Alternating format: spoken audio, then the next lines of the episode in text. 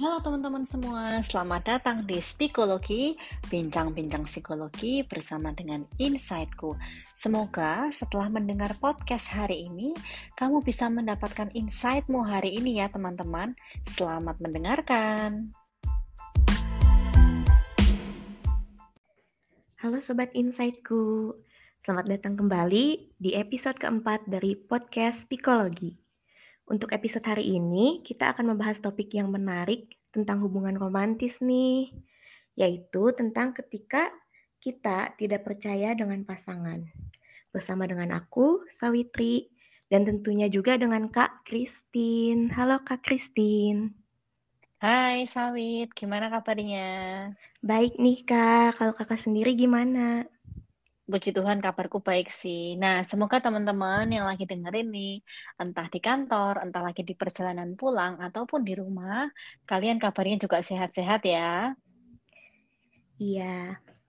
Untuk episode kali ini, uh, kita itu bakal bahas uh, topik tentang hubungan romantis nih, Kak. Jadi, tentang kecemasan hubungan. Oke, ini menarik sih. Mungkin teman-teman insight uh, aku yakin sih ini beberapa atau mungkin banyak ya yang relate dengan topik yang kita angkat kali ini yaitu cemas dalam hubungan. Nah, ini bisa macam-macam nih sawit. Mungkin nanti aku pengen sharing ya. Aku juga punya nih kecemasan dalam hubungan. Tapi bukan dalam hubungannya, waktu mau masuk hubungannya. Kalau sawit punya nggak pengalaman terkait juga terkait dengan topik ini? Hmm, ada sih, tapi sesuai yang Kak, Kak Christine bilang tadi sebelum masuk, kalau aku mungkin pas udah di dalam hubungannya ya Kak. Oke, menarik ya. Jadi pengalaman kita itu saling melengkapi. Nah, siapa dulu nih yang mau sharing nih? Uh, aku deh Kak, aku aja yang sharing duluan. Oke, siap. Nah, jadi aku dan pasanganku itu dulu mulai pacaran pas SMA. Terus pas kuliah kita misah nih karena kita beda jurusan. Nah, di tempat dia, di kelas dia tuh dia punya temen lumayan deket. Jadi kayak ke mana-mana sama dia, nugas, nanya-nanya.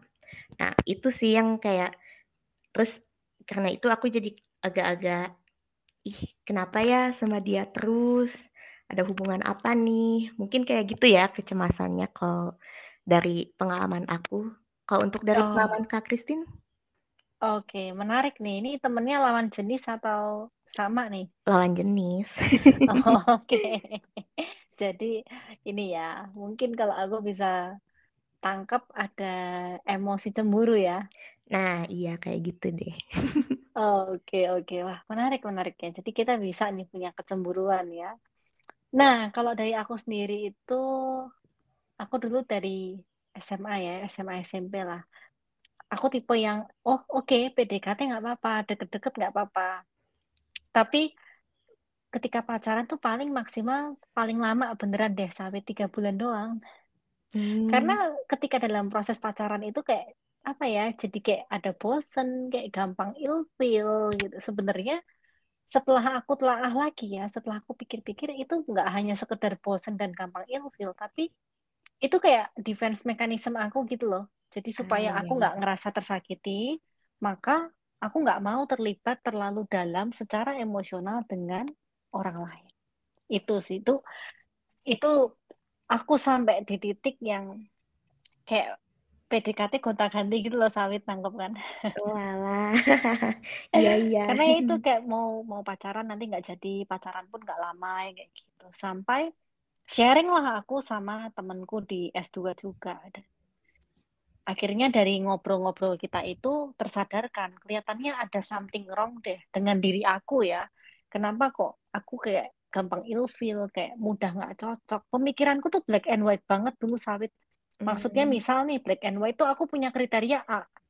Begitu orang itu nggak A, jadi B itu aku udah nggak mau lah sama orang ini kayak gitu. Sebenarnya setelah aku pikir-pikir ya itu apa ya bentuk bentuk supaya aku nggak terlalu dalam sama itu orang.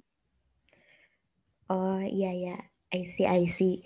Jadi kayak mungkin itu bilangnya feel padahal itu sebenarnya alasan aja padahal mungkin kakaknya agak-agak takut nih sama uh, ke depannya hubungan kakak sama orang itu gimana ya kak? Mm, betul betul jadi kayak lebih jadi defense mechanism ya dan itu sawit aku nggak sadar loh aku tuh nggak sadar sampai pokoknya cerita sama sharing sama temanku kok kelihatannya aku pacaran nggak pernah awet kayak apa nggak apa memang belum jodohnya misalkan gitu kan biasanya kan gitu. Nah, iya iya.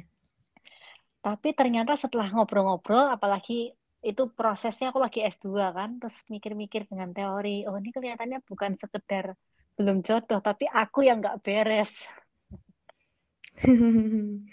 bisa gitu ya kak, mungkin iya. apa ada teman-teman dari insightku yang pernah relate dengan pengalaman aku atau kak Christine?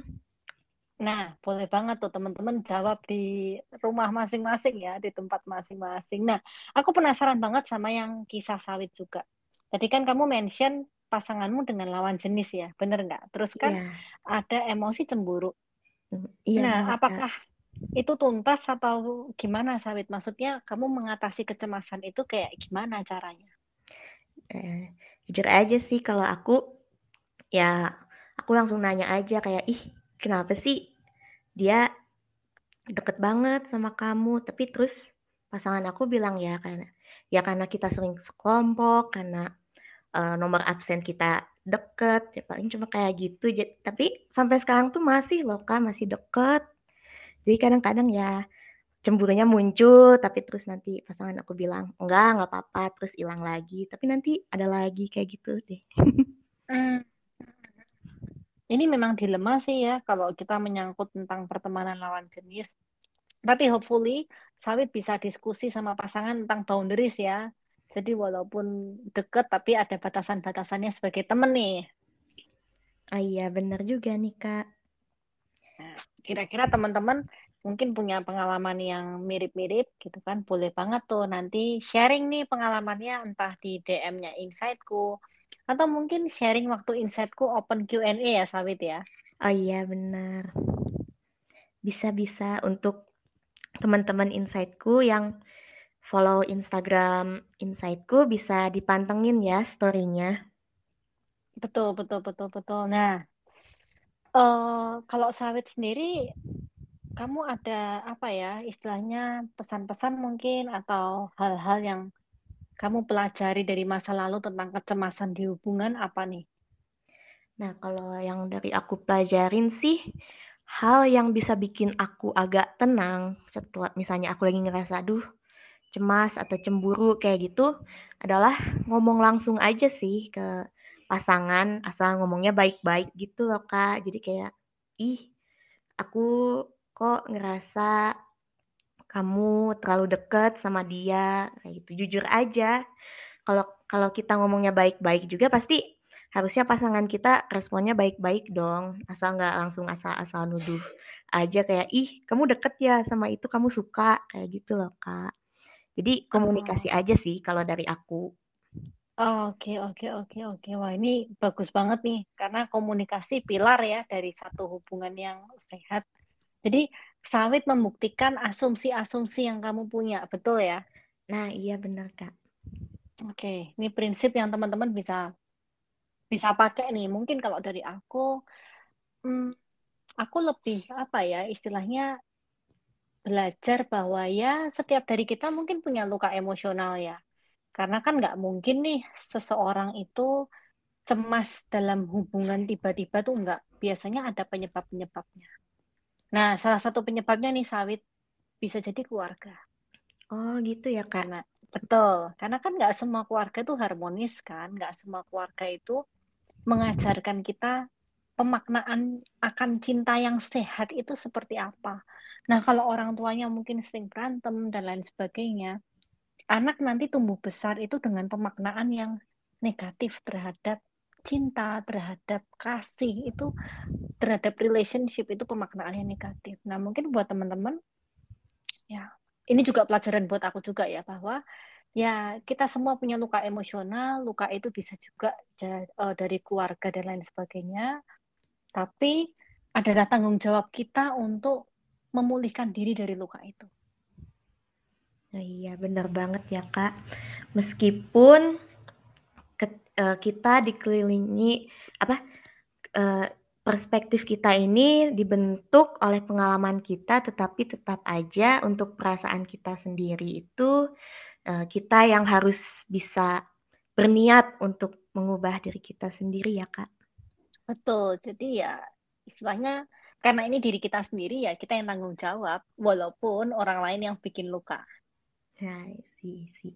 Tapi mungkin bagi beberapa teman insightku itu hal hal itu kayak healing diri sendiri itu nggak gampang ya kak pasti buat setiap orang juga nggak gampang sih betul betul kira-kira dari kak Christine apa ada saran uh, kalau aku begini misalkan memang kita udah punya awareness nih bahwa ada yang nggak sehat dalam diri kita tapi terasa susah untuk uh, berdamai dengan itu.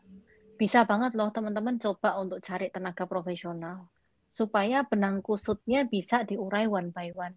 Jadi benar-benar namanya proses healing ya, artinya menemui luka, bukan healing ke Bali. Ini beda nih. Liburan itu maka. iya, betul itu mah liburan gitu ya. Jadi namanya proses healing itu pasti menyakitkan karena kita akan ingat lagi dengan kejadiannya. Kita memproses cara pikir kita terkait kejadian itu dan lain sebagainya. Kalau terasa sulit, it's okay untuk cari pertolongan tuh nggak apa-apa. Itu sih dari aku, Sawit. Nah, oke, okay, oke. Okay. Nah, mungkin kita uh, udah sampai di penghujung podcast ini. Aku mau bilang ke Sobat Insightku, kalau seperti yang kita ketahui, uh, hubungan itu belum tentu semua yang kita bayangkan, semua yang kita inginkan itu akan terjadi. Nah, tapi jangan sampai se si ketidakkepastian ini bikin kita jadi gak bisa menikmati momen-momen sama sama pasangan kita. Jadi karena ketidakpastian ini curigaan terus, eh, cemburu terus, cemas terus. Jadi Daripada nerka-nerka atau nebak-nebak, lebih baik kita terbuka dengan pasangan mengenai apa yang kita rasakan dengan baik-baik. Biarkan insightku membantumu menemukan insightmu. Sampai jumpa di episode selanjutnya.